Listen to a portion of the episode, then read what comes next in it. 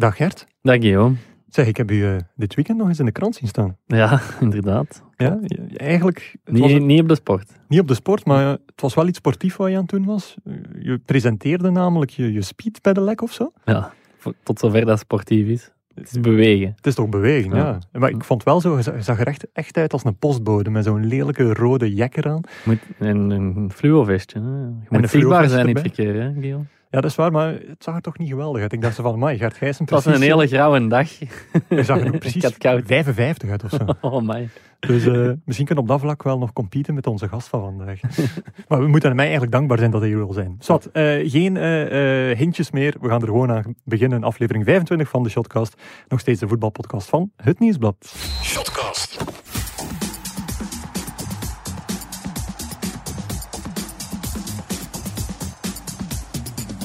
Dag Ludo van der Wallen. Goedemorgen Guillaume. Ja. Uh, ik ging eigenlijk zeggen van... Lars ziet er eindelijk eens fris uit tijdens een opname. Maar uh, jij bent de vervanger van Lars. Lars is een, week, een weekje op, uh, op vakantie.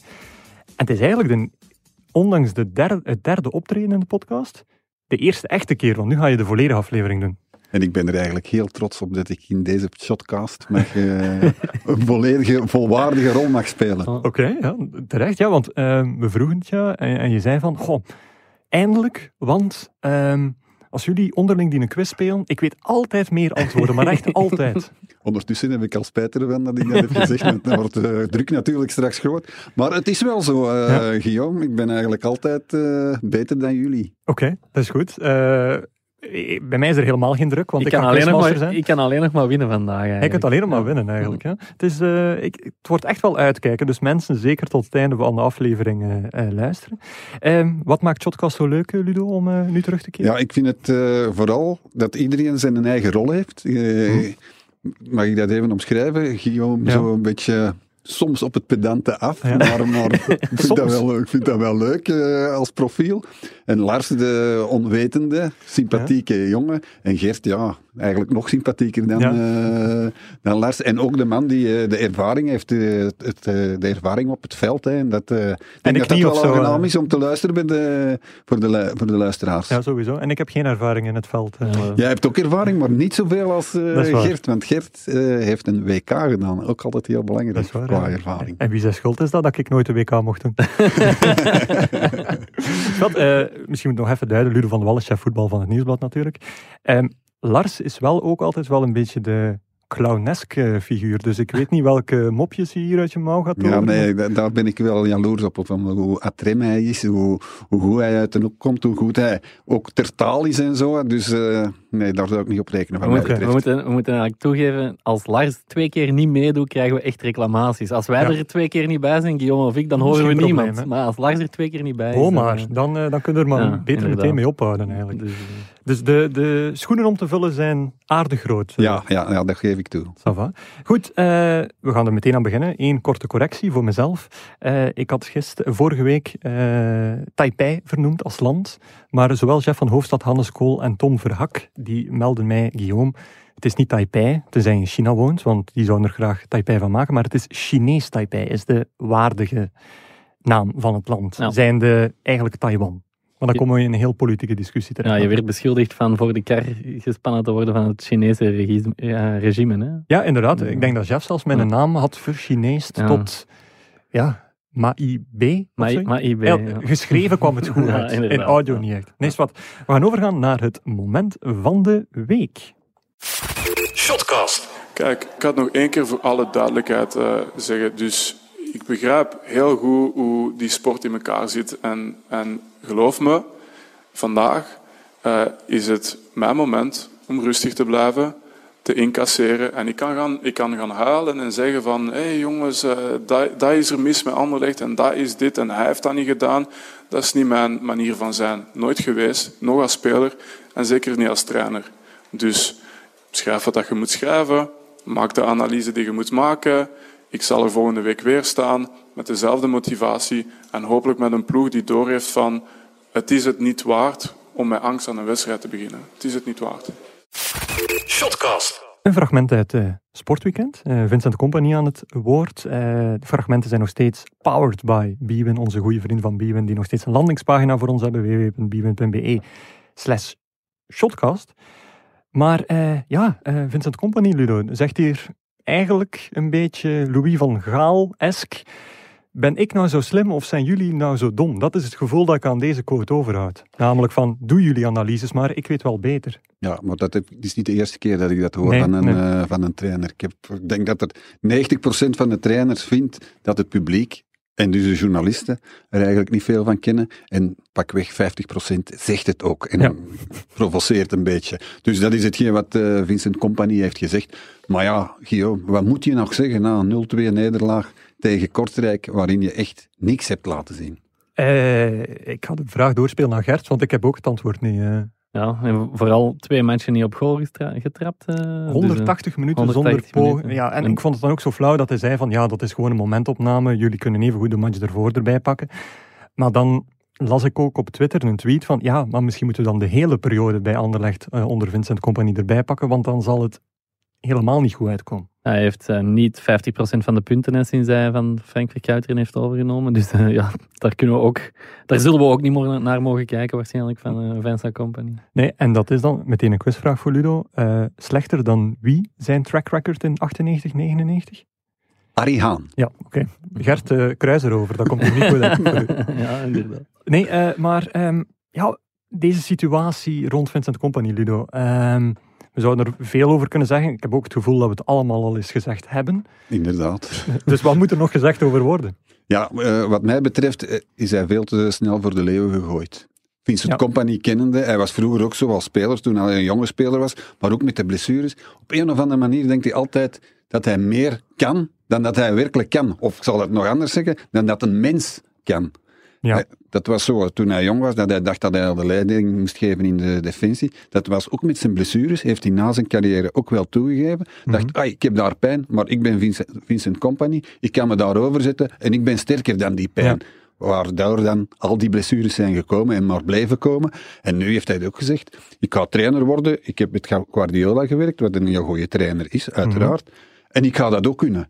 En dat, zo werkt het niet. Zo werkt dit niet. Uh, je moet ervaring opdoen als trainer. Zelfs Steven Gerrard, wie we nu allemaal fantastisch zijn, heeft ook eerst een jaar bij de U19 van Liverpool uh, gewerkt. Ze hebben het allemaal gedaan, maar Vincent Company vond, nee, ik kan het meteen. En dat was geen goed idee. Ja, is dat een beetje een, zoals je zelf zegt, is een rode draad in veel wat dat hij doet. Merkte je dat ook toen dat je hem volgde? Want ja, je hebt in echt ancien regime Anderlecht nog gevolgd.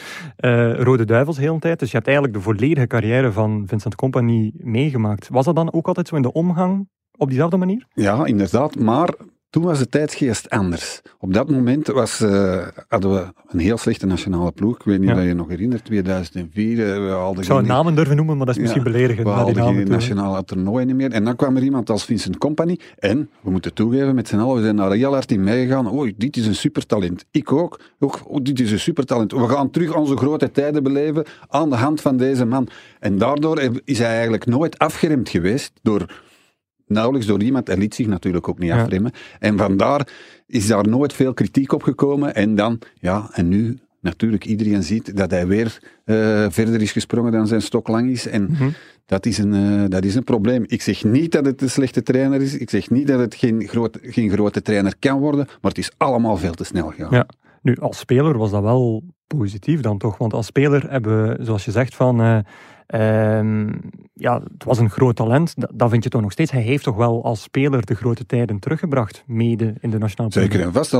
Daarom wil ik ook duidelijk stellen, we moeten hier de speler of de trainercompagnie niet afvallen, maar we moeten wel zijn manier van hoe dat hij tegen, tegenover zichzelf kijkt en tegenover de buitenwereld, dat hij denkt dat hij dat mhm. allemaal aan kan, dat, dat zouden we wel moeten in een juist perspectief plaatsen. Ja, zijn er zo legendarische momenten die je meegemaakt hebt aan de hand van Vincent Company? Dat hij gek deed in de mixzone of een, of een één-op-één interview of gewoon een busverhaal. Oh, Gert steekt zijn vinger ja, op. Hij heeft het misschien wel. Eh, nee, ja, ik heb er iets, niet gek, maar ik heb er wel iets mee meegemaakt dat hem wel wat typeert. Um, Hij keerde terug na een van zijn vele blessures uh, bij Manchester City op het veld van Crystal Palace. En ik was daar en Christophe Terreur, de collega van het laatste nieuws die uh, in Engeland uh, werkte, was daar keer het laatste nieuws moet je nieuwsblad zijn. ja, ja dus ik was daar voor het nieuwsblad. Um, en, de, en na de wedstrijd komt Vincent Company naar de, naar de pers. En eerst um, spreekt hij even met ons in het Nederlands en Frans, niet te lang. Maar gewoon om, om al te laten zien van ik besef dat jullie hier zijn, ik besef dat jullie uh, hier speciaal voor mij zijn. En dan gaat hem bij de Engelse, Engelstalige pers staan. En daar praat hem en daar zegt hem wel vier keer die jongens daar, die kennen mij. Die weten dat ik dit. Die jongens daar, die weten wie ik ben. Zij, zij kennen mij echt. En zo probeerde hij zo echt ja, een band met ons te creëren. Zo. En ik, vond dat, ik vind dat zo wel... Ja, dat was slim gedaan, vond ik, uh, van hem. Om zo... Ja, dan wordt al wat menselijk en coulanter op die moment. Van, ah ja, mij. Allee. En die Engelse journalisten die komen dan... Allee, je stijgt in die mensen hun aanzien, hè, want ja, Vincent Company, je kent hem. Allee, wat niet waar is, we kennen elkaar niet persoonlijk. Nee, dus... Ja, dat dus... typeert hem wel een beetje, denk ik. Uh, ja, sowieso. Want, hij is eh, heel verstandig wel op, op dat vlak. Ja, en ook, hij weet ook van de Engelse journalisten, dat zijn dus de day-journalisten en de Sunday-journalisten. Dus de mensen die dan de zondagskranten moeten vullen, die gaan dan naar de Belgen om op hetzelfde moment toch een soort ander verhaal te kunnen eruit halen. Want ik ben ook een paar keer uh, uh, MT gekomen in de mixzone. En die was ook altijd de laatste altijd de laatste om, uh, om dat te doen. ik weet niet, was dat bij de nationale ploeg ook? Ja, uiteraard. Hij was altijd, altijd, altijd de laatste. En dan hebben we het niet over vijf minuutjes na de voorlaatste. Maar echt lang, hè? Maar echt een half uur na de, na de voorlaatste. En dat was wel... Maar ja, op den duur zeg je, ja, dat is compagnie. Nee, wat ik me herinner is toen hij net gedebuteerd was, en na enkele weken, toen kon je nog in de eh, receptie op Anderlecht binnengaan. En daar zaten dan allemaal journalisten te wachten op spelers die voorbij kwamen. Die werden dan aangesproken. En Company had men ook zo'n paar weken geprobeerd, maar die had gezegd, ja, ik ben nog te jong, nog niet. Mhm. En na verloop van tijd, maar niet zo heel snel, na een week of zes denk ik, komt hij bij die journalisten zitten, stuk of tien. En elke vraag dat er werd gesteld, daar dacht hij tien seconden over na, wat, wat, we niet gewoon waren. En die antwoorden die altijd heel uitgebreid, maar echt ook antwoorden op de vraag. En zo van, ja, ook al zij er niet had over nagedacht, ik heb daar nog niet over nagedacht, of, of, of, of een uitleg van, uh, van vijf minuten. En dat was zo indrukwekkend. Eén, omdat hij op de vragen antwoordde, dat weet niet iedereen. En dat hij de tijd nam. En daardoor geeft hij ook hetzelfde als, uh, als Gert heeft meegemaakt. Het gevoel van, ja, hey, die, ik word hier serieus genomen. En die, die man die gaat in op mijn vragen. Het grote talent. Ik zeg nog eens, we schetsen toen de situatie mm 2004. We hadden niks. En dan komt daar zo'n jongen en die neemt iedereen serieus en die praat met iedereen. En dat was uh, indrukwekkend. En vandaar, op, die, op dat elan, ja. Overleeft hij ook nog altijd vandaag. Enorm charmant, enorme uh, intelligente kerel. Ja, ik herinner mij het persmoment in, in Rusland op 2K, voor de match tegen Brazilië, denk ik dat het was. Dat, hij, dat daar de training, denk ik, zelfs een beetje later is moeten beginnen, omdat hij zo lang in de persconferentie is blijven praten en blijven praten en alle vragen heel uitgebreid is blijven beantwoorden. Dus uh, Hij is één een keer geweest, hè, Guillaume, in, uh, in Rusland. Eén keer. Eén keer en dat was het moment. Ja, en dat was de beste persconferentie van, uh, van de ding. En zo. En ik, en ik denk niet dat, hij, dat dat de rol is dat hij speelt. Hij is gewoon zo. En op, op, de, op basis daarvan overleeft hij nu ook. Ja. Uh, ben ik de enige die het jammer vindt dat Vincent Company trainer is geworden? Ik had hem veel liever in een andere rol gezien. In een soort bobo-rol, om dan eigenlijk de term bobo wat onderuit te halen. Of is er dan ook sprake van een zekere gebakken lucht? Om, het is niet omdat je het goed verwoordt, dat je ook je ideeën effectief goed ik denk niet dat hij gebakken lucht verkoopt. Dat denk ik niet. Ik denk dat hij ook echt wel een, een, een visie heeft. Mhm. Maar ik denk dat in een rol, hè, stel, je wordt niet, behalve dan bij Anderlecht blijkbaar, meteen president van de, van de Verenigde Staten. Daar gaat een carrière aan af, mm aan vooraf. Als trainer kon hij meteen trainer worden, meteen hoofdtrainer van het instituut van, uh, van België. En daar is het bij hem over gegaan. Hij wil die stempel kunnen drukken, zijn stempel. En niet de stempel waar hij dan moet rekening houden met, met nog iemand boven hem en nog iemand mhm. boven hem. Dat, uh, dat, is zijn, uh, dat is zijn stijl niet. En vandaar is hij trainer geworden. En als technisch directeur of weet ik veel wat, dat, dat, dat gaat moeilijker. Heb, heb je nog altijd af te rekenen mhm. met die voorzitter. Ja. Nu, als trainer zou dat ook zo moeten zijn, maar dat is spijtig genoeg niet. Nee. Nee, dat is waar. Ja. Uh, zou Vincent Company naar deze analyse die we moeten maken, in, om zijn woorden te gebruiken, luisteren, Gert? Of uh, laat hem dat Siberisch koud? Uh? Ik, uh, ik, heb net gezegd, ik ken hem eigenlijk niet persoonlijk. Nee. Dus, uh, ik zou het tot wat de Engelse ik, journalisten ik denken. Ja, inderdaad. Ik, ja, ik heb toch het gevoel dat hij meer luistert dan dat we denken dan, en dat hij zich voordoet. Want er zijn toch al een paar aanpassingen gebeurd. Uh, ik zeg niet dat hij specifiek luistert naar de nieuwsbladwatcher uh, Jurgen Geril, maar ik merk toch wel als Jurgen zo iets heeft, heeft geschreven of zoiets, dat het de wedstrijd mm -hmm. daarna wordt aangepast. Ik zeg niet dat Jurgen het de enige, de enige is die dat heeft geschreven, maar dan merk je toch van dat hij hier en daar wat aanpassingen doet. En dus hij is niet zo onaantastbaar als dat hij ja. lijkt. Ja. Ook voor hemzelf niet, denk ik. Nu heeft Jurgen wel natuurlijk een stuk geschreven van, zou deze persoon er nog zijn als hij Vincent Company heette? Dus ik weet niet welke... Als hij niet Vincent Company, als hij niet Vincent Company heette. Dus ik weet niet welke aanpassing dat er dan zou moeten gebeuren. Nee, maar dat weet hij zelf natuurlijk ook wel heel ja. goed. Hè. Hij, hij, heeft ook, uh, hij heeft ook de cijfers voor hem. Hij weet ook wel dat, als dat, als dat niet Company was, dat hij lang buiten lag. Maar ja, Guillaume, wat moet hij zeggen? Mm -hmm. Moet hij zeggen, ja, dat, dat, dat, klopt, als ik niet compagnie was, dan was ik, was ik al lang buiten, dus gooi me maar buiten. dat gaat hij niet doen. Hè? Nee, nee, dat is waar. De vraag is ook, ja, is er een alternatieve? Ja, ik, je zit nu echt in die lange termijns planning. En ik vind dat goed dat een coach een keer zo'n kans krijgt. Maar ik heb het gevoel dat dit een beetje aan het verpesten is voor iedereen die nu op de lange termijn wil werken, omdat het te lang duurt en al ook ja, veel te veel veranderd is ook gewoon puur tactisch. Want je kan altijd wel zeggen, teruggaan naar de inverted wing, wingbacks en dergelijke. Er is ook een tijd geweest onder Anderlecht van Company dat die niet meer gebruikt werden, dat de achterlijn wel gehaald mocht worden. Dus ik vind het moeilijk. Nee, hij maakt fouten. Hij maakt fouten, dat is ja. alles. Die elke beginnende coach maakt, die fouten maakt hij. En dat is hetgeen wat er nu aan het gebeuren is. En ja. op lange termijn zal het misschien wel werken, maar die fouten, ja, die kun je niet meer wegwerken natuurlijk. Nee. Nu, um, Compagnie of Anderlecht, die zullen onze vaste maandagkwaal, trainersontslag, tijdens de opname uh, gelukkig niet uh, weer naar boven halen. Gaat Genk dat doen met John van den Brom, uh, Gert? Ja, waarschijnlijk wel. Hè. Onze tradities uh, bij Shotcast indachtig. Toch maar even de pushberichten in de gaten buiten gaan en uh, zien dat John van den Brom buiten ligt waarschijnlijk. Nee, ik, ik kan het niet goed zeggen. Uh, Genk... Allee, moest Genk niet al moest aan hun vierde trainer toe zijn, of derde, wat is het? ja, dan, uh, Matsu, Hannes Wolf. Maar ja, van dit seizoen. Van dit dus, seizoen. Wolf, Torup, Van den Brom. Dan zou de kans al groter zijn dan nu. Ik, ik weet het niet, ja. Nee. Kan, kan het niet zeggen. Maar. Vond wel typerend. Ik heb wel schrik ja. dat het gebeurt uh, vandaag. U vond het wel typerend na uh, afloop van de wedstrijd. Hè? Want uh, het was eigenlijk zijn ex-assistent die hem dan. Ja, eigenlijk... dat vond ik raar. Ja, ja. Ik weet niet of, dat, of dat jij het gezien hebt op tv, Ludo. Maar dus. Um, John van den Brom wordt in de, op het diepste moment van de crisis van zijn ploeg eigenlijk geïnterviewd door Gunther van Andenhoven, zijn voormalige delegé, allee, teammanager eigenlijk.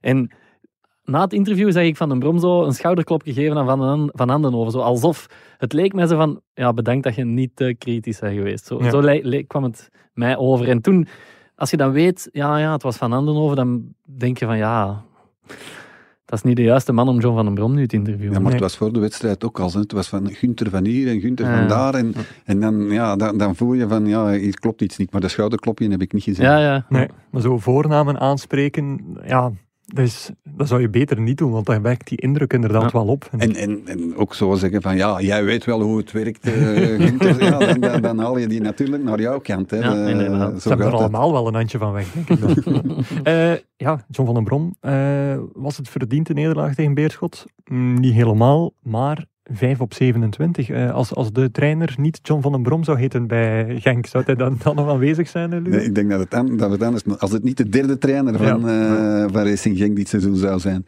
dan zou hij er niet meer zijn, denk ik. Ik denk dat het nu heel moeilijk wordt voor Genk om nog een trainerswissel door te voeren. Alhoewel dat ik die twee volgende wedstrijden, vrijdag op Charleroi, volgende week donderdag voor de beker tegen KV Mechelen, die zijn wel van levensbelang. Als die alle twee mislopen, dan kan ik me niet voorstellen dat Genk verder gaat met John van den Brom.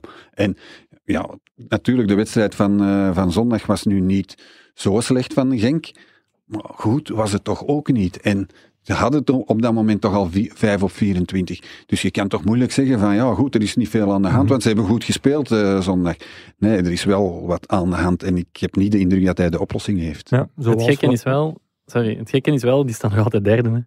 Hè? Uh, ja, Ah, nee, dat is, Met 43 punten, ja. die staan nog steeds derde. En ik denk drie punten voorsprong op pakweg. Nummer 11. De, op nummer 11. Het zal ja. vier punten voorsprong dan zijn, of vijf. Maar ja, het is, het is echt gek. Eh, Ludo, kun jij ervan genieten van deze spanning? Of heb je ook zoiets van, maar jongens, allez, waar zijn jullie nu eigenlijk mee bezig? Want iedereen verliest van iedereen. En Ja. Ik, ik denk dat, dat we blij moeten zijn dat we deze spanning nog hebben. Want uh, voor de titel is het uitgemaakt. Mhm. Zelfs Club Brugge heeft nu twee wedstrijden minder op dit moment, maandag, dan, uh, dan Antwerpen. En ze staan nog uh, tien punten voor, geloof ik. Dus Mhm. ja, dan, dan ben ik blij dat, dat de strijd gaat zijn. Maar ik denk uiteindelijk dat het toch de uh, usual suspects zullen zijn die play-off 1 halen. En dat Anderlecht daar zal bij zijn. En dat. Genk of Standaard daar zal bij zijn. Uh, Toch nog standaard, ja? Ja, nee, ik zeg, zeg usual suspects, omdat ik toch niet verwacht dat Oostende het uh, bijvoorbeeld zal halen. Of Beerschot, of, of van, van die clubs waar we het voor het seizoen ook niet van verwacht. Er komt op een bepaald moment wel een zekere druk op die, op die jongens. En ik denk dat die het daar toch nog iets moeilijker mee zullen hebben dan uh, Anderlecht en Standaard. Alhoewel het het jonge spelers zijn, maar ik denk dat toch wel. Ja, het is ook vooral opvallend dat een club zoals bijvoorbeeld Charleroi, die nu op twee punten van play-off 1 staat, dat daar de supporters zich roeren. Een club zoals Genk, waar, effectief 5 op 27 behaald wordt, maar die staan derde, dat daar de supporters zich roeren. Dus, uh, allez, als Gunter van Andenhoven het niet doet, dan zullen de supporters wel kritische vragen stellen. Ja, inderdaad, ja. Dus um, het is zo'n raar seizoen, ook omdat ze gewoon niet aanwezig zijn in, in het stadion. Heeft dat er iets mee te maken, Ludo? Of, ik denk het wel. Ja. Ik denk het wel. Ik denk dat we, als er publiek was toegelaten, dat er heel veel andere dingen waren gebeurd dit seizoen. Ik denk bijvoorbeeld ook we hebben hem nog niet genoemd, waar Lam Colzé. Ja. Dat had ook niet zo afgelopen nee, als, die, als ze die op een bepaald moment op het veld hadden gezet en uh, de supporters waren er nog tegen en die raakten een bal en werd elke keer uitgefloten. Mm -hmm. Dan trapt hij niet van uh, 30 meter naar doel. Alhoewel, het is Lam Colzé, natuurlijk. En die bal die uh, belandt in de winkel. Dan, allee, ik denk dat er heel veel andere dingen zouden gelopen zijn. En veel meer supportersprotesten, dat zeker. Ja. Op allerlei vlakken. Hè. Uh, Anderlecht is eigenlijk ook nog rustig gebleven tot hiertoe. Standaard, uh, weet ik wat allemaal. Het zou overal wel, uh, wel eens bagaar geweest zijn. Ja, sowieso. Uh, geniet jij nog optimaal van het voetbal als je in een stadion zit? Of heb je zoiets van, goh, verplicht uitje? Ja, nee, helemaal niet. Ik, uh, het, is, het is heel raar en ik wist ook niet dat me dat zou overkomen. Maar eens die wedstrijd bezig is, zit ik in die wedstrijd. En Ja. dan, of dat de publiek er dan is, of dat publiek is er niet, dat maakt voor mij eigenlijk niet verschil. Dan zit, ben ik echt naar die wedstrijd aan het kijken en hoe verloopt die. En ja, dat, uh, daar heb ik eigenlijk heel weinig last van, als de wedstrijd bezig is. Ja, en merkte dan ook in uw stukken bijvoorbeeld van, goh, ik ben veel sneller klaar, want ik word niet meer afgeleid door iets anders. Want Nee. wij zitten vaak in het midden van het publiek en wij horen nogal wat dingen of wat bewegingen of soms een keer een drankje. Dat, dat gebeurt nu al veel minder, maar soms krijg je wel een keer een halve douche eh, van, van de zot. Ja, dat is inderdaad. Dat is dan het voordeel. Vooral op standaard bijvoorbeeld, waar ze af en toe eens Ja. met het eh, bier naar beneden gooien. Maar eh, nee, ik denk nu of dat sneller of, of trager... maar het is voor mij ook een verrassing hoor, Ja. Guillaume. Ik wist het niet, dat, het- dat het op mij- zo weinig impact zou hebben dat er geen pu- publiek is. Nee, oké. Ehm, misschien nog één ding over Genk Beerschot. We zijn nu over Genk bezig. Laten we ervan uitgaan dat John van den Brom blijft. Toch op zijn minst nog eh, tegen Charleroi. Ehm, Jan van den Berg. Bewust? Ja, toch? Hè? Uh, ja, ik denk het wel. Ja, ook prachtig. eh, een soort... eh, Allee, hem- bewust, ja. Hij soort- trapte op doel. Ja, maar zo'n beetje een American footballachtige trap bijna. Zo met half binnenkant, half, eh half wreef. En eh, vooral die viering nadien. Ja, die trok op niks. Die trok op niks. Oh, nee. Nee, ik vind dat ook niet. Was dat? Een zeehond of zo? Nee, dat nou was de worm. De worm. Ja. Dat is een bekende... Maar kun je bekende niet dier. gewoon blij zijn door omhoog springen ja, eh, in de lucht steken? En wat is de worm, eh, Guillaume, dan? ploegmaat, eh, Ja, de, de worm is... ja, dat was dus wat dat hij deed. Ah, ja, maar Dus dat is niet van... een- van, van waars- waarschijnlijk zit daar wel een origin story achter, dat mensen trouwens altijd mogen doorsturen naar @shotcast, hashtag shotcast, shotcast.nieuwsblad.be, podcast.nieuwsblad.be. Maar ehm, ik zie dat wel vaak eens passeren op eh, destijds supportersfilmpjes of café, als iemand te veel gedronken heeft, dan is het wel de moment om eens de worm te beginnen doen. Dus, eh, maar ik vind dat dat wel Jij past. ooit eh, een worm gedaan? Nee, ik zou het ook niet kunnen. Mijn ik ken een slechte rug, hè, Gert. Dat weet je toch. hè? Maar het past wel een beetje bij Jan van den Berg, vind ik. Want eh, ik heb hem half meegemaakt bij Agent. Dat was net eh, de periode waarin dat hij terugkwam van eh, zijn hoofdblessure. Hij is toegekomen bij Agent en hij heeft eigenlijk een redelijk ingrijpende hoofdoperatie eh, ondergaan toen. Ehm, en dat was echt ja, een, een crème van een gast eigenlijk. Eh, zelf nooit superveel mee gesproken, maar je zag hoe, hoe dat hij in de groep lag. Ehm, die was ook smaller dan de op één na smalste. Allee, die was twee keer zo klein als de op één na smalste van, van de kern. Dus veel body zat daar nog niet aan. Daardoor voelt hij wat uit de toon. Eh, mede ook door zijn revalidatie waarschijnlijk. Ehm, maar ja, eh, iedereen zei altijd van toffe kerel en zo. En vooral, een aparte kwaliteit van hem, die had de meeste armkracht van de volledige kern. En dat bleek uit een American Football, die zij mee hadden op winterstage met Agent. En dan een groepje, Castro Montes zat erbij, Colin Koosmans. Uh, die gooiden die bal altijd naar elkaar. Jan van den Berg had de, de langste reach. Dat was beetje onwijs zot hoe ver dat hij die een bal kon gooien. De Tom Brady van uh, Eigenlijk wel. Ver en precies. Dus uh, eigenlijk meer Tom Brady had, had op die manier... Er zijn er niet veel mee hè, als, als voetballer. Nee, dat is waar. Maar het is een skill dat hij kan. Ja. Net zoals de worm. Ja, okay. Het is ook wel een hele goede speler. Hè. ja, dat ook. Dus nee, maar bij Beerschot in tweede klasse was hij wel de beste. Ja. Bij OHL was hij ook goed.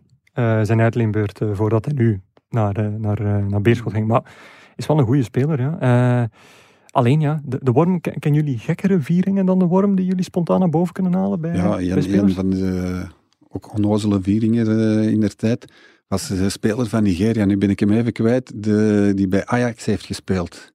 Hey. Nummer 7. Nummer 7. Ik Peba. Die dan zo op de grond ging zitten en zo een hondje dat plaste. Ah, ja, ja, ja, ja, ja, ja, die ken ik. Wat is dat nu weer? Ja, ja de luisteraars zullen helpen. Luisteraars zullen, zullen wel weten. Uh, ja, en vooral die Finse ploegen. Of een IJslandse ploeg, die zo altijd uh, in groep een, uh, iets uitbeelden. Bijvoorbeeld een gevangen vis die ze dan naar binnen trokken. Oh. Ja, juist. Ja, ja, dat herinner ik me. nu, nu valt het. Ja, ja, ja. Je bent in vorm voor de quiz straks. Hè?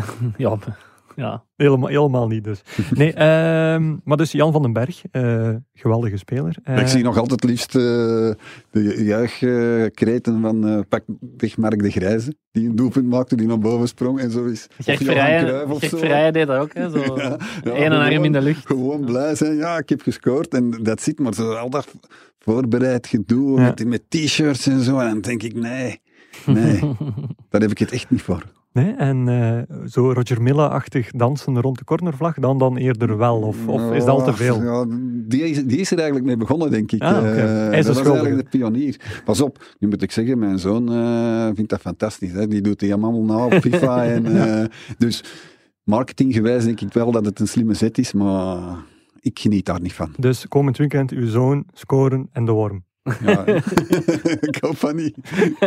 dus oefenen in, uh, in salon thuis. Uh, Swat, uh, ja, we zijn begonnen met Anderlecht. Misschien moeten we de kans ook aangrijpen om dit blokje af te ronden met Anderlecht. Want Anderlecht is toch wel uh, ja, een beetje de, het thema ook van, van de eerste twee afleveringen Football Leagues, die de Standaard en de Zwaar hebben gebracht en die wij met Nieuwsblad ook hebben gebracht. Um, zaterdag hadden we de tentakels van Bayat over ja, hoe diep dat eigenlijk ging. Uh, dat hij zelfs dingen, persoonlijke dingen kon laten afprinten. Anderlecht als een soort secretariaat gebruikte. Gebruik kon maken van kortingscodes voor uh, vliegreizen die Paarswit had, wegens een deal met Brussels Airlines. Vandaag de deal van uh, Trebel, die zelf nog 3,3 miljoen euro tekengeld wist te bemachtigen.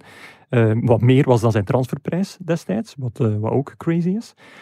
Um, Ludo, hoe, hoe, zwaar is dit bommetje nu? Want we komen wel uit een periode waarin we al een aflevering voetballeaks hebben gehad. Man City bijvoorbeeld, eh, propaganden, eh, handen uiteraard. Hoe gaat dit het nu veranderen?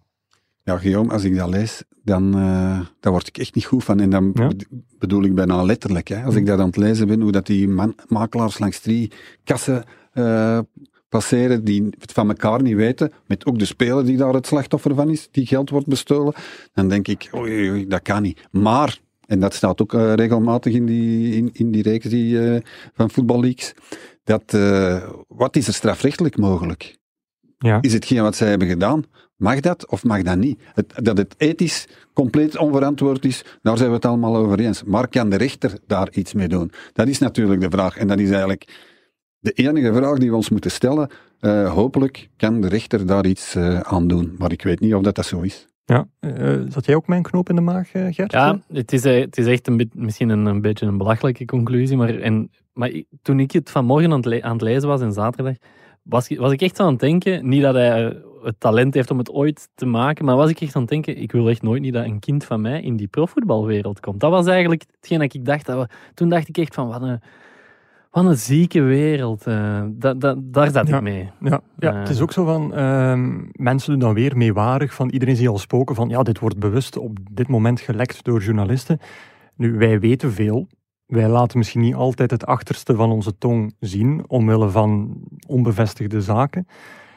Uh, maar hier zijn er wel als ik dat verhaal zaterdag las, Brussels Airlines, die kortingscodes, het persoonlijk secretariaat maken van neerpeden, dan zakte mijn broek ook wel af. Dat zijn geen zaken die wij horen en achter ons houden om te zeggen van, oh ja, als de bom dan ontploft, dan zijn we wel mee dit is toch voor velen van ons toch nieuws? Ja, ik denk aan die supporters die daar in de tribune zitten, die elke week een ticket betalen, die een abonnement betalen, die boos zijn als ze, uh, als ze verliezen, die, die dolblij zijn als ze winnen. Dan denk ik, maar zie eens wat er allemaal gebeurt. En wij zijn nu journalisten, wij weten wel wat er gebeurt. Uh, over Bayat. Wij al, schrijven al vijf, zes jaar dat hij de Moji League, uh, mm -hmm. om niet de Jupiler Pro League te noemen. Moji Poli. Ja, dat, dat, dat, uh, dat hebben we al lang uh, gesignaleerd. Maar, maar, maar dit, als je dat dan leest, die details die er worden vrijgegeven, dan vind ik dat echt hallucinant tot en met. En ik zeg het dan drie keer langs de kassa passeren. Morgen hebben we in het nieuwsblad ook weer het verhaal van uh, met het transfer van Tielemans, ja, dat is nog, bij wijze van spreken, nog hallucinanter. Hè? Mm -hmm. En nu kan ik wel heel goed begrijpen dat Juri Tielemans met, uh, met heeft uh, gebruiken, want als, dat is, lijkt me niet zeggen als dat allemaal waar is, dat is op basis van, van, van mails, dus dat is waar, maar dat is gewoon on, on, onbegrijpelijk en ja, dat je daartoe kunt lenen, allemaal voor 3, 6 miljoen dat dat allemaal kan, dat is, dat is ongelooflijk. En het zijn de clubs ook die het weten. Hè? We hebben vandaag het verhaal uh, van Trebel. Ja. Dus waar dat agent in de zak wordt gezet. Mm -hmm. Maar wie werkt nog steeds met Moji Bayat? Agent. agent. En, ja. dan, dan denk ik, jongens, waar zijn wij mee bezig? Dat, dat, is waar, ja. Uh, agents doen nog deals met Bayat. Uh, en ook op uh, niveau van A-ploeg, maar ook op niveau van, van, van B-ploeg. jeugdspelers die er, net, niet, die er net bij komen op een manier waarvan jij zegt van ja, hoe, waarom doen jullie dat nog in godsnaam? Ik herinner mij wel, over clubs gesproken, dat um, de transfer van, um, van Cels van Newcastle naar um, Anderlecht was er bijna niet gekomen door omdat Newcastle zei, met Herman van Olsbeek werken we nooit van ons leven nog nadat ze iets hebben hadden meegemaakt rond Alexander Mitrovic mm -hmm. en Chancel Mbemba. Ja. Dus daar wordt daar toch wel anders mee omgegaan dan. Denk. Allee, want die wouden echt in transfer niet doen. Ook al was Van Osbeek toen, denk ik, zelfs al weg bij Anderlicht. Of net niet. Of, of jawel, ik denk dat hem weg was.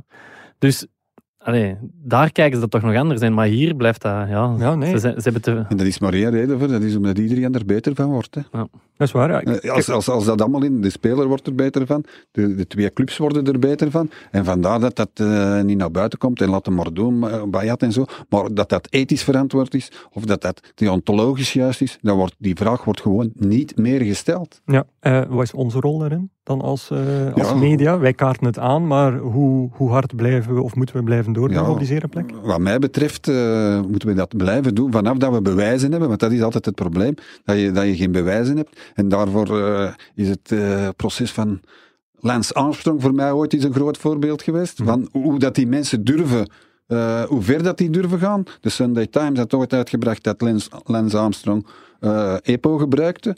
Nog voordat hij het zelf had bekend. En Lance Armstrong heeft die twee journalisten voor de rechter gedaagd. Mm -hmm. Ik vind, dat moet je kunnen, hè.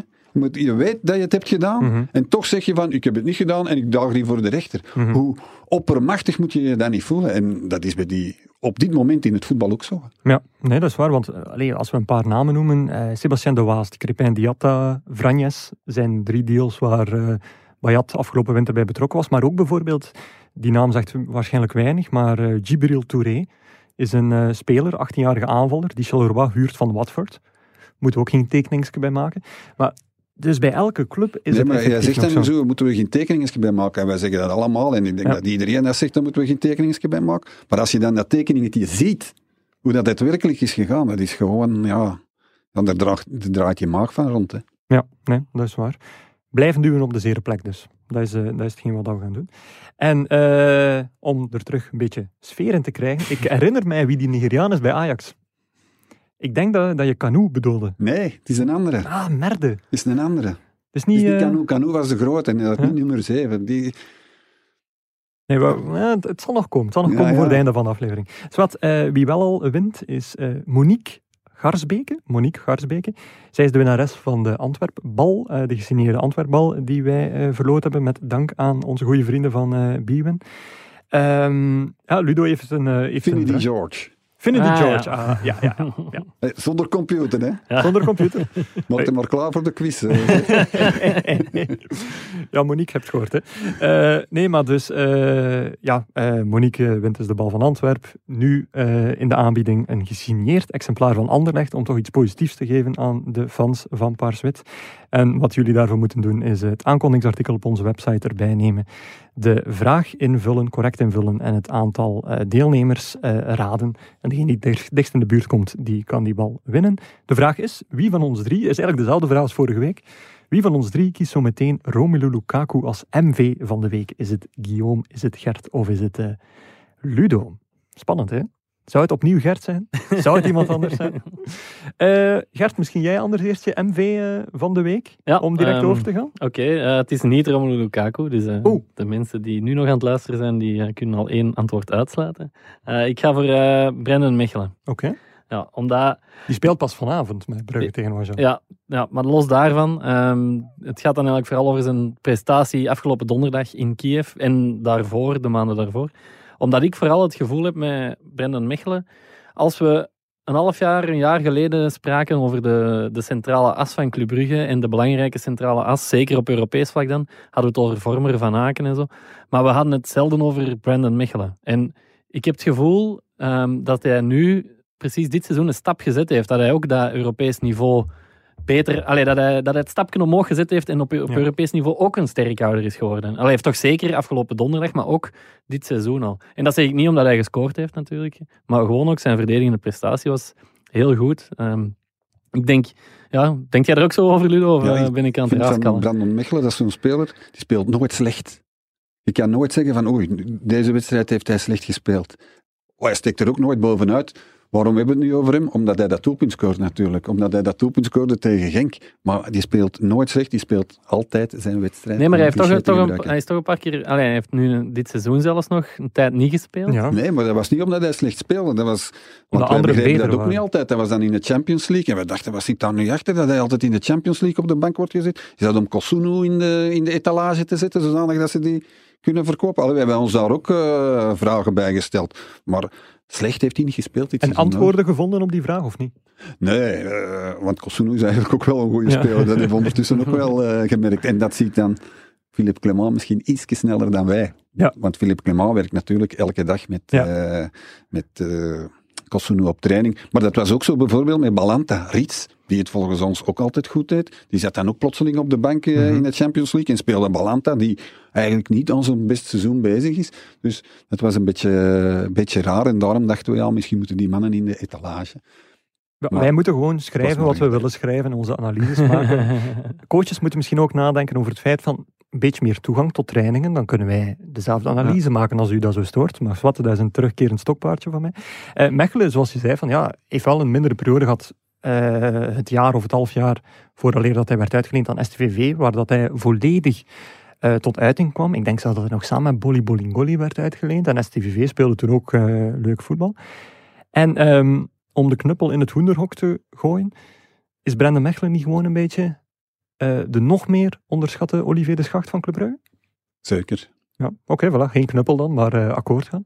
Ja, ik zie Gert klopt. ook instemmen. Ja, ja, zeker. Maar ik ik denk denk- wel dat hem... Ja, dat is misschien ook gewoon een momentopname, maar ik denk wel dat hem beter is dan Olivier de Schacht. Ja, maar dan vergelijk je... Allee, dat is misschien ook gewoon een momentopname, omdat je nu, nu met Mechelen in een goede periode zit en de Schacht zijn beste periode al eh, enkele jaren achter ons ligt. eh. En toch gaat hij minder interlands gespeeld hebben voor hem. Ja. Voor, voor de Rode Duivels. Ja. Komt de Brendan Mechelen ooit in aanmerking voor, Ik denk voor het wel. Ik denk dat hij op dit moment zelfs zijn plaats heeft in die 23 van eh, Martinez. Ik denk dat wel. Oké, ja. Ehm, in de 23, maar in de 11? In de 11, ja. Straks eh, stopt eh, Vertongen, stopt uh, Alderwereld. Misschien nog niet meteen, maar er gaan er nog een paar afhaken.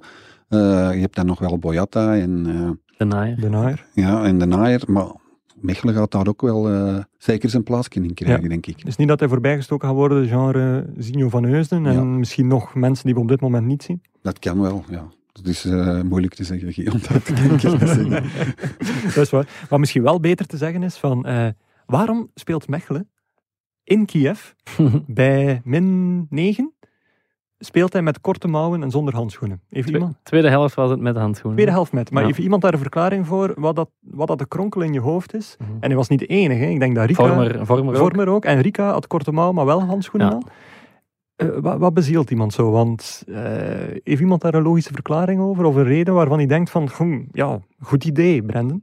Nee, het is een goed idee. Als hij dat een goed idee vindt, misschien heeft hij last van eh, dingen aan zijn armen of zo. Want het staat wel, het staat wel stoer. Je scoort ongetwijfeld bij de supporters, want die vinden dat fantastisch. Ja. En ja, het geeft u ook wel een gevoel van onoverwinnelijkheid, denk ik. Eh, ja? Een puur mentaal spelletje. Hij- ja, u, u duidelijk niet. hè. Hij sprak er, hij sprak er achteraf, achteraf ook over. Hè, van tijdens de match voelt je die kou niet. Het is pas bij het op betreden van het veld voor de tweede helft dat ik dacht van oh, nu heb ik het wel even koud. Maar dan begint die match weer en ben ik het weer vergeten. Ja, maar allee, we hebben allemaal gevoetbald, of voetballen nog. Eh, eh, eh, op den duur voelde dat niet meer, maar die eerste tien minuten of dat eerste kwartier voelde dat toch wel heel En als je dan zo'n bal tegen de billen krijgt, oh, dat doet pijn. Dat zal wel. Of zo op uw kaak. Oh, zo'n koude bal op uw kaak. Ja, dat heeft niets te maken met zijn handen, maar oh, daar moeten we niet aan terugdenken. ik vond het wel stoer.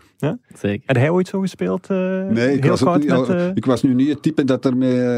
Want er was een speler van Kiev die dan twee keer op doel kopte, maar die had zoiets rond zijn hoofd. eh, Bandana. Bu- Bukalski of wie heet hij? ja.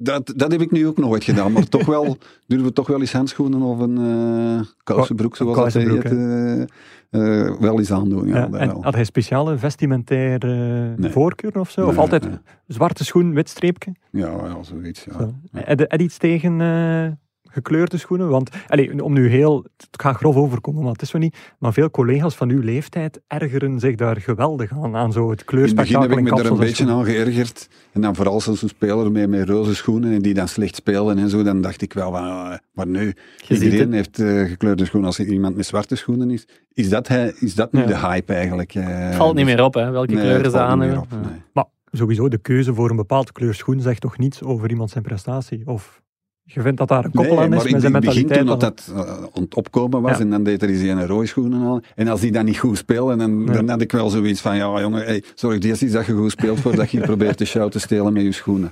Dat, dat, dat, dat had ik wel, maar ik zeg het, dat is voorbij. Oké. Ehm, Kiev, eh, normaal, chef voetbal is op grote voetbalmomenten binnen en buitenland stevast aanwezig. Eh, nu niet, want van ons was er daar niemand, omwille van eh, de beperkingen die er zijn. Op, Geen enkele Belgische journalist. geen enkele Belgische journalist zelfs. Ehm, hoe spijtig vinden dat dan dat je daar niet bent? Ja, dat is, dat is spijtig, maar in de gegeven omstandigheden is het niet meer dan eh, verantwoord om, eh, om thuis te blijven. Maar zo'n Europese verplaatsing is wel de, het zout op de aardappelen natuurlijk. hè. Zout Dat, op de eh, aardappelen, ja. Als je zo'n wedstrijd kunt doen en je bent erbij, vooral dat gevoel zo van ja, ik ben hierbij en, en heel België zitten kijken. Ik heb dat nog meer op WK's of zo. Hè, dat je, je hebt toch altijd het gevoel, ik weet niet wat, hoe dat bij u is, Geert, eh, hoe dat, dat bij u was in, in Rusland, maar ik weet het altijd een seconde sneller dan de mensen in België. en dat vind ik nog altijd wel een van de mooie uitdagingen als journalist, ook met nieuws en zo. Oh, ik ben hier nu de eerste in België die dat nieuws heeft. Dat, vond ik, dat vind ik toch altijd wel top. En dat heb ik met die wedstrijden bijvoorbeeld ook. En je bent Ja. erbij. Dus, en ik moet zeggen, als ik werk, dan maak ik me minder eh, zenuwachtig als de Rode Duivels spelen, dan als ik thuis voor de televisie zit. En het is spannend en ik denk dan aan zo'n WK of zo, Ja. tegen, tegen Japan of tegen Brazilië. Als ik dat thuis meemaak, dan... Ja, dan Ja, hoe lang is dat al geleden dat ik, je eh, een match van de Rode Duivels niet in functie gedaan hebt? Dat is toch al... ik, heb, ja, ik heb het nu per toeval eh, anderhalf jaar geleden, maar dat was dan in Rusland, die wedstrijd voor het, eh, laatste wedstrijd Ah, ja. voor de kwalificatie Ja. voor het, Het was al eh, EK. bepaald toen. Ja. Maar stonden ze na een kwartier, denk Ja. ik, met 0-3 voor. Dus moest ik me niet eens zenuwachtig maken. Maar dan heb ik wel op mijn gemakje thuis gekeken. En hoe goed dat de Belgen waren. Hoe zuiver dat die passing was. En alles. Dat heb je minder tijdens eh, zo'n wedstrijd. Omdat je dan, ja, je bent met van alles bezig en aan het afspreken en zo. Maar, maar dan, dan denk ik, goh, die Belgen die zijn goed. goed. Het was nu wel een heel goede wedstrijd, want Ja. ze wonnen met 1-4. Maar dat, eh, ja, dat, dat is spijtig dat je er dan niet bij Ja. bent. Oké, maar ik vind dat wel opvallend, want je zegt nu eigenlijk zo van, ja, dat supportersgevoel komt dan zo'n beetje naar boven, maar ik heb dat eigenlijk nog nooit bij u gemerkt, bij die Rode Duivels. Dat is dan ook waarschijnlijk omdat je het nog nooit effectief als supporter hebt kunnen Ja, ik denk dat Gert tijdens het WK dat misschien wel heeft gewerkt, gemerkt. Maar ja, als ze tegen eh, IJsland spelen en ze winnen Ja. met 6 dan ga ik niet elk eh, doelpunt terecht springen natuurlijk. Maar het is de, de ploeg die mij het nauwst, nauwst aan het hart ligt, eh, de Rode Duivels. Dus Oké, goed. Uh, en Gert, uh, zotte tafereelen meegemaakt? Ja, ik heb het al eens verteld. Hè. De, de wedstrijd tegen Japan, bij die 3-2 is er niemand blijven zitten. Ja. Dus uh, ook Ludo niet. Ja, dat kan ik me wel voorstellen. Nu, um, Ludo, ik schat dat je ongeveer 103 jaar aan Europese ervaring hebt. ja, je beste verhaal van op Europese verplaatsing dat het zonlicht mag zien. ja, het, shoot de leukste reis die ik me nu zo direct voor de geest kan halen, want ik ben een beetje verrast door de vraag, uh, is toch wel Antw uh, Spartak Moskou Antwerpen in 1993. Okay. Uh, Gedetailleerd? Ja, ja, ja, ja. Zelfs, ik weet nog, omdat ik toen net vooruit ben, was zelfs april, denk ik, 1993. In de eindfase van... Ja, dus de eerste wedstrijd gaan ze naar, naar Ginder en dat was zo'n incidentrijke reis dat ik, uh, dat ik me die altijd zal herinneren. Bijvoorbeeld toen we terugkwamen, hebben wij van 12 uur s'nachts tot 6 uur s ochtends in de, in de luchthaven gezeten, omdat er iets was met, uh, met het vliegtuig, wat dan werd gezegd van ja, dat zijn die mensen van Spartak Moskou die dat hebben gedaan om ons te intimideren enzovoort. Maar ook, dat waren met, was met heel veel Antwerp supporters. Kennen we ook nog, we hadden we nog over Belgische frank, dat daar een uh, pronostiek werd gedaan, waar dat iedereen 500 frank moest inzetten. Dat was toen toch ja, Stevig weinig, redelijk veel 12,5 euro voor de heel jonge lijst. En dat, uh, dat uiteindelijk uh, de pot 45.000 euro was, uh, 45.000 frank, excuseer.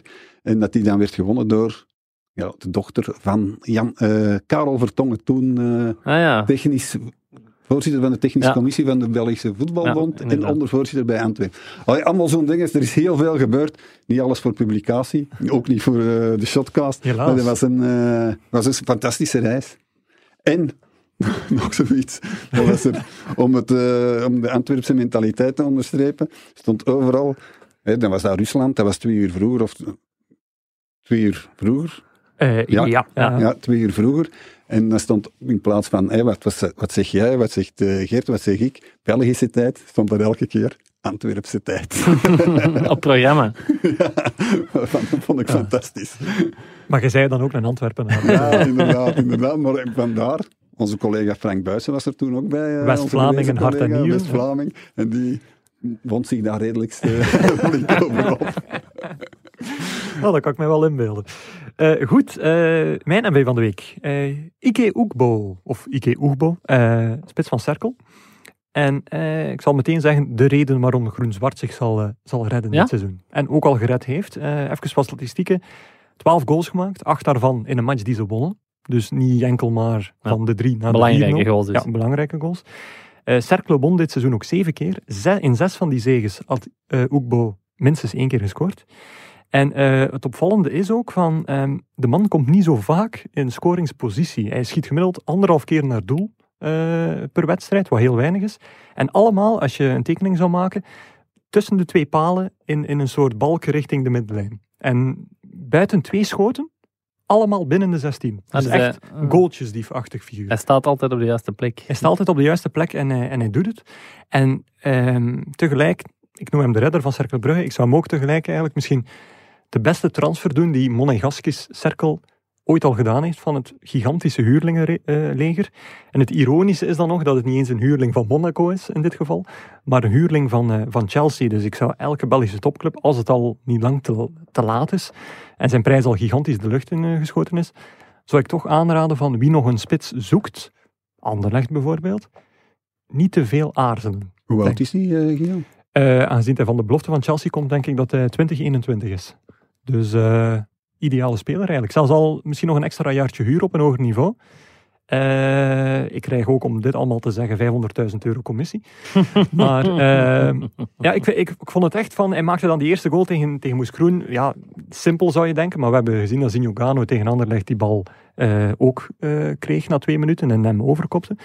Um, dus ik ben, ik ben fan van de man. En ja, dat is het eigenlijk. Ik weet niet of er daar aanvullingen over zijn. Hij is 22. 22. heb ik net opgezocht. Ja. ja. Dus nog jong genoeg om uh, een Belgische topclub om hem te halen. Om hem te halen, dat zal wel zijn. Ja. Uh, Cerkel gaat zich redden, Ludo? Of, uh... Ja. Ja, oké, okay, goed. Wie zakt er dan? Moeskroen. Als Moeskroen ja. denk ik dat nog laatste wordt. En ja, was dan Beveren zal dan tegen de tweede uit EMB spelen. En ja. dat is dan Westerlo, Lommel ja. of ja, uh, Serijn, denk ik. Deinzen, Serijn, ja. dat staan er allemaal wel wat kort op één. Ja, Deinzen en, en Lierse Kimpenzone. Ja. Ja. Dan hebben ze bijna alle acht opgezond natuurlijk. die staan, nee, nee, maar die staan wat verder naar beneden. Maar ik geloof Ja. dat de drie, Ja, die drie clubs zijn. Ja. Westerlo, Seraing en eh, Lommel. Ja, maar Union sowieso kampioen, die staan eh, stevig voor natuurlijk. Hè. Eh, misschien nog, eh, ja, ik sprak over de beste transfer van Monegaske Cerkel. Ik heb hier nog wat namen eh, van eh, die Cerkel ooit gehaald heeft. Moet maar een keer voor zelf testen of, eh, of dat een belletje doet rinkelen. Jonathan Mexique. Ooit van gehoord? Nee, ik zie hier knikken. zeg. Eh Krizan.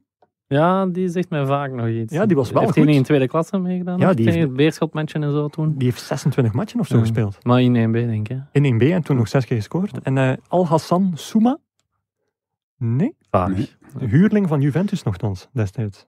Kijk, maar dat zijn zo één van de drie van, Ja. de, van de dertig namen eh, die het wel aantonen van dat er naast Oekboos ook wel andere vormen eh, gepasseerd zijn.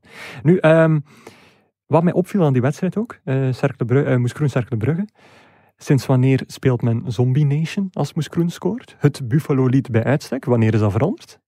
Of geen idee, maar wat over de- daarover gesproken, wat mij opviel was gisteren, ehm, ze stonden 2-0 achter en maakten 2-1. Eh, Genk zeker, hè? Ja, En dan vol een bak die muziek door die, door die boksen in een leeg stadion. Dan denk ik, man, laat dan nu dan toch ook wel maar even. Allee, het was duidelijk, het was al te laat om nog eh, Mhm, terug te mhm. komen. En dan toch die muziek nog. Ik snap maar dat doen alle clubs. Ja, maar ja. Laat dat dan. Je moet toch niet eh, doen omdat iedereen het doet en omdat je het altijd al Dat hebt is waar. gedaan. Dat is waar. Eh, Ludo, ken jij het verhaal achter eh, waarom dat plotseling een nieuw nummer heeft? Of, het zou mij verbazen. Ah, er is een maar- verhaal achteraf. Ah nee, ik, ik, Ah. ik ken het niet. Het is, het is een letterlijke vraag. Waarschijnlijk een verkeerd plaatje opgelegd of zo. Ik weet het niet. Nee, sorry. Ja. Nee, maar ik vind zo, er zijn vaste liedjes van, van clubs. De Zombie Nation aan Gent, eh, We Are The Best van Standaard, dus hey, papo, hey, ho. Eh, Het wat- beste clublied van het land. hè. Ja, vinden? Behalve Sam, dan ben ik altijd blij dat ik dat hoor. Ik, ik Op een of andere manier word ik daar vrolijk van. Ik vind het een fantastisch, eh, fantastisch clublied. maar ik vind wel, je moet het horen in het stadion. Ja. Want dan is het echt daverend. Hè? Ik heb het al thuis opgezet voor Ja. mijn zoon ook. Ja, ja, om eens eh, te laten Om zijn doelpunt te vieren. Ja, en, en- en ik denk dat dat, ja, dat is, ik vind het enorm aanstekelijk. Ja, dat is waar. Die Tous Ensemble en dan die Papayeo, of wat is het? Ja. Ik vind het echt ook heel goed gevonden. En modern. En goed, en het blijft, eh, blijft hangen. Ja. Dus top. Ik vind, ik vind wel Antwerp met Taste of Summer, wat zo meer een beetje een eh, techno-nummer is, jump-nummer is, Past vind ik, wel goed vind op ik de ook Bosel. heel goed. Hè? Ja, past goed op de Dat is ook wel een hele leuke. Maar dus, allee, los daarvan, de winnaar op muzikaal vlak van het weekend, KVO Stende. Toch? Om- Nee? Ah, met hun dingen. Niet van het weekend, van de week. En van de eigenlijk. week dan, van Met de week. aangepaste playlist eh, tegen Genk ja, vorige Ja, week. dus Genk dan. had een ehm, ja, weinig professionele tweet geplaatst, waarin ze de wedstrijd tegen Oostende, uitgesteld omwille van het veld de vorige keer, aankondigden met eh, ja, ehm, eh, na de minder professionele, eh, hopelijk is het nu wel professioneel genoeg, daar kwam het op neer. Eh, ja, het land of het social media land toch een beetje in rep en roer, want dat was echt wel steken onder de gordel. En vooral omdat je nadien eh, redelijk makkelijk eh, onderuit wordt gehaald. Ehm, waarna Bram Kersenbilk, eh perschef van, van Oostende en ook blijkbaar de, de man die de muziek bedient, nummers zoals Ice Ice Baby oplegde. Het Smurfenlied, de, de naam, of de, de geuzennaam van, van Genk. En achteraf ook nog een paar tweetjes Ja. waarin ze zeiden van ja, toch wel een professionele zegen van, eh, van onze jongens en Ja. dergelijke. Dus eh, daarom eh Ja, dat was ook echt het thema na de wedstrijd. Hè. Die spelers van Oostende allemaal in alle interviews van matchen win je niet op Twitter, jongens. Dat is duidelijk. Dus ja, als je dat doet, ik vind dat dat wel moet kunnen. Hè. Die Ja, een oorspronkelijk tweet van Genk ook, ik zeg. Ja, dat, oh, ja, ik alleen ik denk dat ze er hun eigen fans mee in, tegen zich in het harnas jagen. Want ik ken een, een, een Genk-supporter en die zei al voor de match van ja, die een tweet en straks verliezen. eh, ik voel het weer al aankomen. Daar zijn, Ja. ze, goed- daar zijn ze goed in. eh. Ja, daar zijn ze dit seizoen goed in. Eh, Ludo, uw MV van de week. Ja, ik ga het kort houden, Ja. maar ik ga toch voor eh, Romelu Lukaku. Omdat ik toch wel steeds, Prijsvraag, prijsvraag. Oké, ja. steeds meer onder de indruk eh geraak van hem. En dat is voor me- meerdere mensen zo. Maar wat ik hem nu zie doen, ik heb hem nooit in de jeugd zien spelen, maar in der tijd ging zijn reputatie eh, Mhm. wel al rond. En volgens mij speelt hij nu, zoals in de jeugd, de bal 20 meter vooruit eh, stampen en erachter beginnen lopen, wetende dat hij iedereen omver loopt of voorbij loopt. En dat is hetgeen wat er nu aan het gebeuren was. Gisteren bij het eerste doelpunt, het derde doelpunt In Inter AC Milan. eh, ja, in. Inter AC Milan. Nu, het derde doelpunt was eigenlijk ook min of meer zo, maar we hebben het ook in de finale van de Europa League gezien. Mhm. We hebben het in die wedstrijd in de Nations League in Engeland gezien, in Mhm. Londen. Deed hij dat precies ook. Dan kon hij daar ook niet volgen. Heeft hij hem ook maar uh, omvergekegeld en een uh, strafschop veroorzaakt. Ik vond het, uh, allee, volgens mij, op dit moment zouden de Rode Duivels beter een beetje meer terugtrekken, zodat Romelu Lukaku aan die runs kan beginnen. Ja. En, en dan gaan we, ja, gaat hij heel veel doelpunten maken. Nog meer dan dat hij nu maakt. Ja. En dat hij een beetje van die kleine ruimte vanaf is. En stuur hem maar vooruit. Het, is, ja. het, is, het, was redelijk indrukwekkend, vond ik gisteren. Want het is toch in Italië tegen wat men dan noemt uh, tactisch sterke tegenstrevers, goede verdedigers. En wat hij daar uh, liet zien, vond ik toch wel heel knap. Ja. Is hij de duivel van dit moment? Ja, uh, we hebben natuurlijk ook uh, Thibaut Courtois die het op dit moment Het is daarom dat ik het vraag, omdat het een moeilijk, uh, moeilijk antwoord is. Bij, bij Real Madrid, maar Lukaku op dit moment op weg naar de titel in Italië, laten we ja. hopen. En die kunnen het hem enorm. Maar hij is echt op een heel hoog niveau. En ik zeg je, geef hier gerust toe, ik ben niet altijd een fan geweest van Lukaku. Hè, maar... Ah, dat is goed, want vorige week was die discussie hier ook. En hebben we dan met, uh, met Lars erbij effectief iedereen zei zijn dingen. En jij zit dus ook in het kamp van in het begin ja, dan wat minder en nu ja. helemaal wel. Dus dat die bal zo een paar meter van zijn voet springt en zo, dan, uh, dan dacht ik wel. Goh, en dan sommige dingen die jij dan zei en zo. Maar ja, zo gaat het in de sport. Hè. Als hij dan goed presteert, dan, uh, dan, dan verzacht je uw, uw oordeel een beetje. Maar nu is hij gewoon heel goed aan het spelen. En ik wil hiermee geen open deuren uh, open trappen, want iedereen doet dat, maar ik doe het natuurlijk wel. maar, en ik wil het dan nog niet even over Conte hebben of zo, dat hij nu in een goede omgeving zit en zo. Nee, hij is gewoon veel beter dan drie jaar geleden bij, uh, bij Manchester United. Hij is gewoon beter geworden. Ja. En dat komt dan niet alleen door de omgeving. Is hij dan een leuke om te interviewen?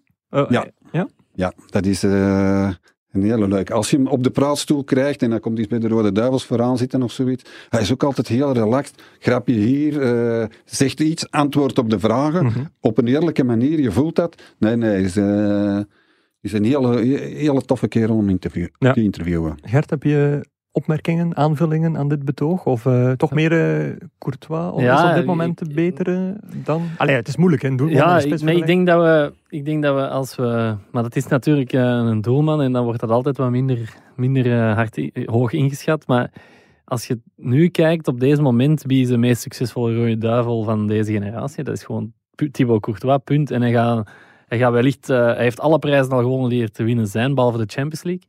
Die zal hem waarschijnlijk ook nog wel winnen uh, als hij nog een paar jaar bij Real Madrid blijft. Dus ja, als die zijn carrière erop zit, dan gaan we wel zeggen van wow.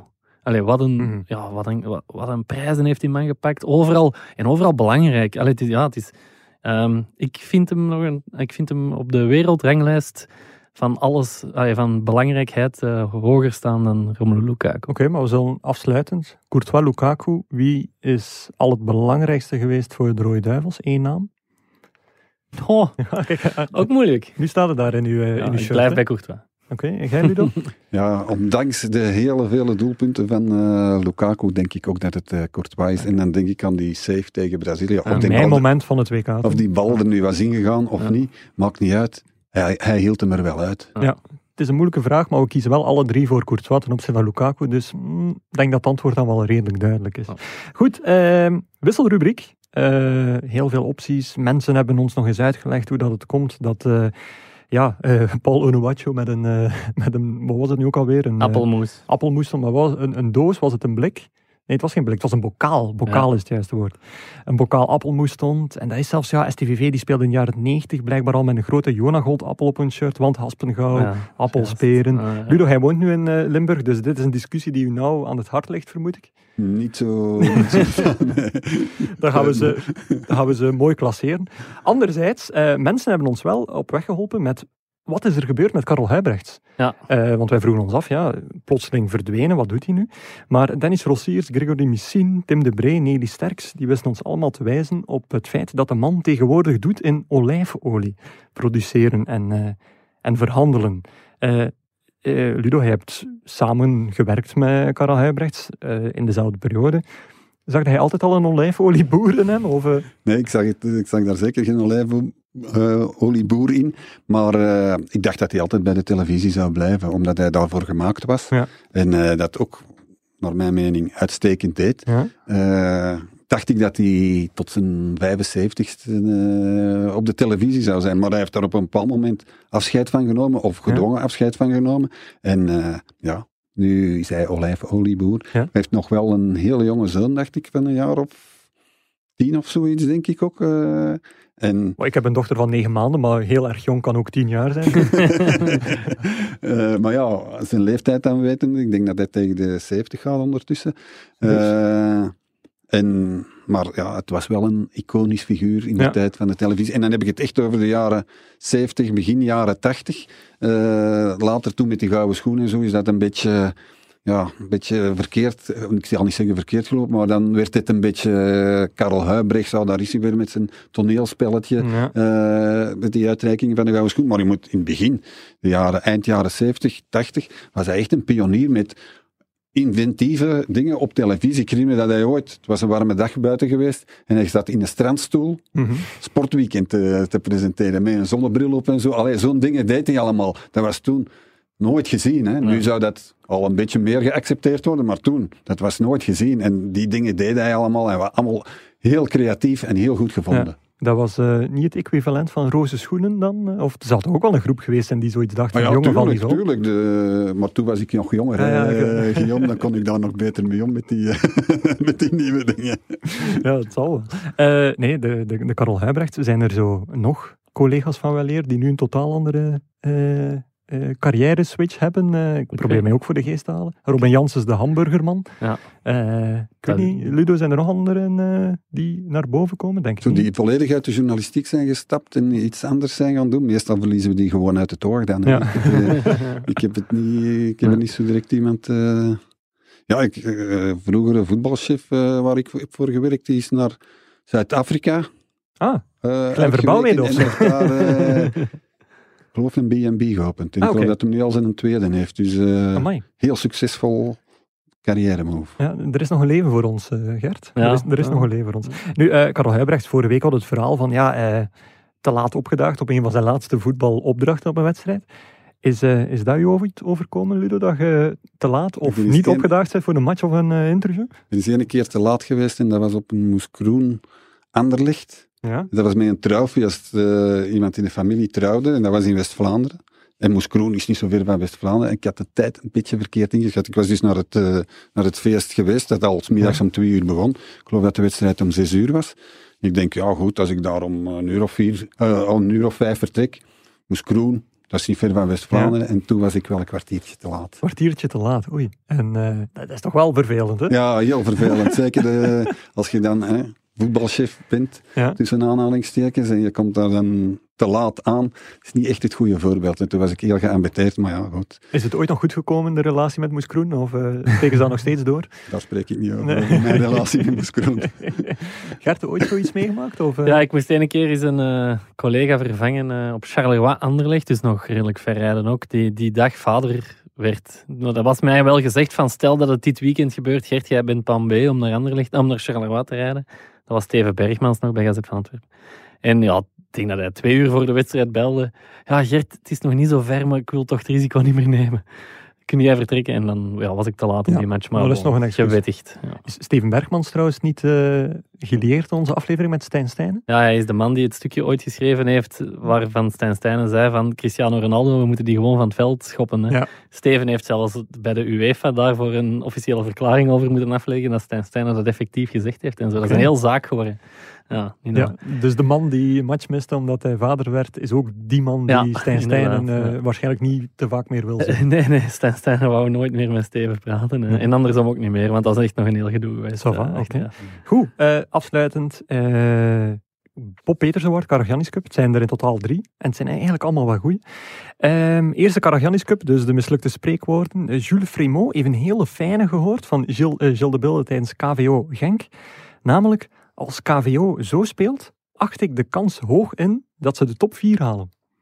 Op het eerste zicht lijkt daar heel weinig fout mee, maar je kunt een kans niet hoog inschatten. Je acht de kans. Je kunt er wel hoog inschatten, maar ja, niet hoog acht, in achten. Nee, maar niet hoog in, uh, in uh, acht inschatten. Dus dat was een hele fijne. Want de winnaar van de Karagiannis Cup is zonder meer Olivier de Schacht. Leander van Dingen had dat gehoord. Die hoorde Olivier de Schacht zeggen, toen ik naar Lokeren of Zotewaregem ging, dachten de mensen dat ik daar was om uit te blussen. Perfect. In extra time was dat, hè? In extra time was dat. En gewoon een Bob Peters Award om het af te leren. Uh, Vincent Mans heeft heel goed naar onze aflevering van, uh, met Stijn Stijn, nog steeds te beluisteren natuurlijk, zoals al de andere afleveringen, geluisterd. Want die hoorde Stijn op een gegeven moment zeggen, kijk, tegenstanders zijn tegenstanders. En daarom zijn ze ook tegenstanders. Die was al binnengekomen voor ik die passage gehoord had. En Ah, dus, ja. ik moest toen lachen. Ja, dat is de, de zonde van een gedeelde mailbox natuurlijk. Allee, nog, nog snel een quizje zeker? eh? Nog snel een quizje, want... eh, Of, eh, ja, ja, maar ja, dat moet nu wel. Dat moet nu wel. Eh, dat moet nu wel. En eh, ja, ik...